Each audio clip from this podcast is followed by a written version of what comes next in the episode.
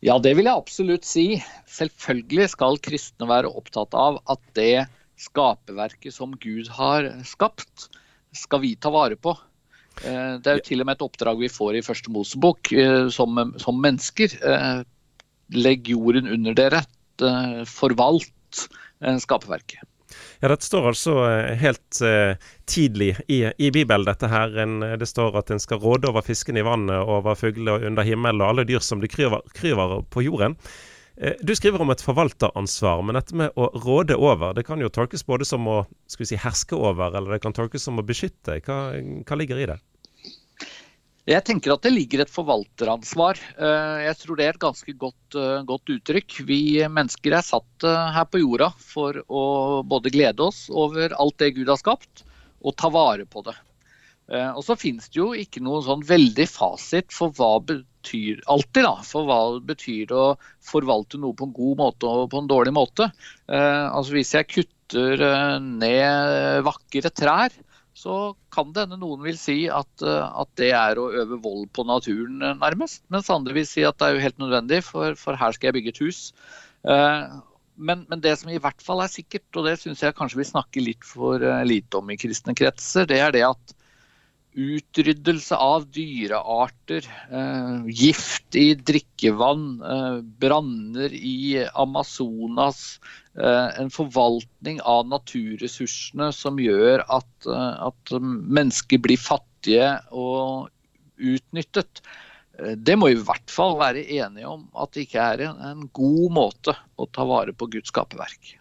Vi er jo vant til å høre om eh, flyskam nå de eh, siste par månedene. Men eh, du skriver, bruker så sterkt uttrykk som 'å synde mot naturen'.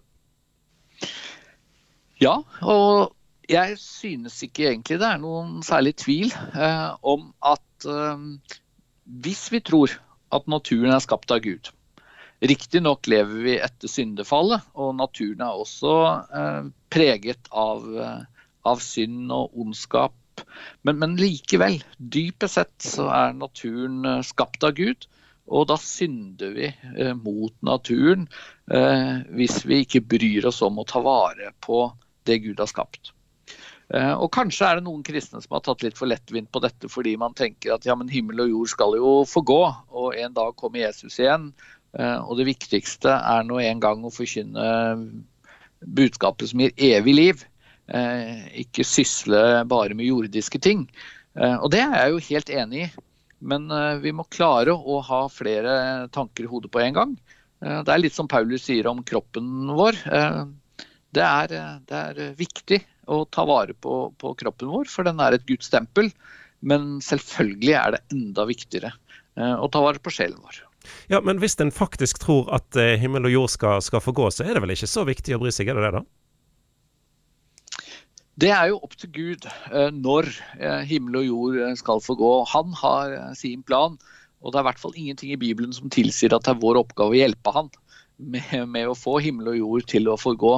Så, så, det som står fast i Bibelen, er jo at vi skal ta vare på kroppen vår og naturen vår, og ikke minst andre mennesker.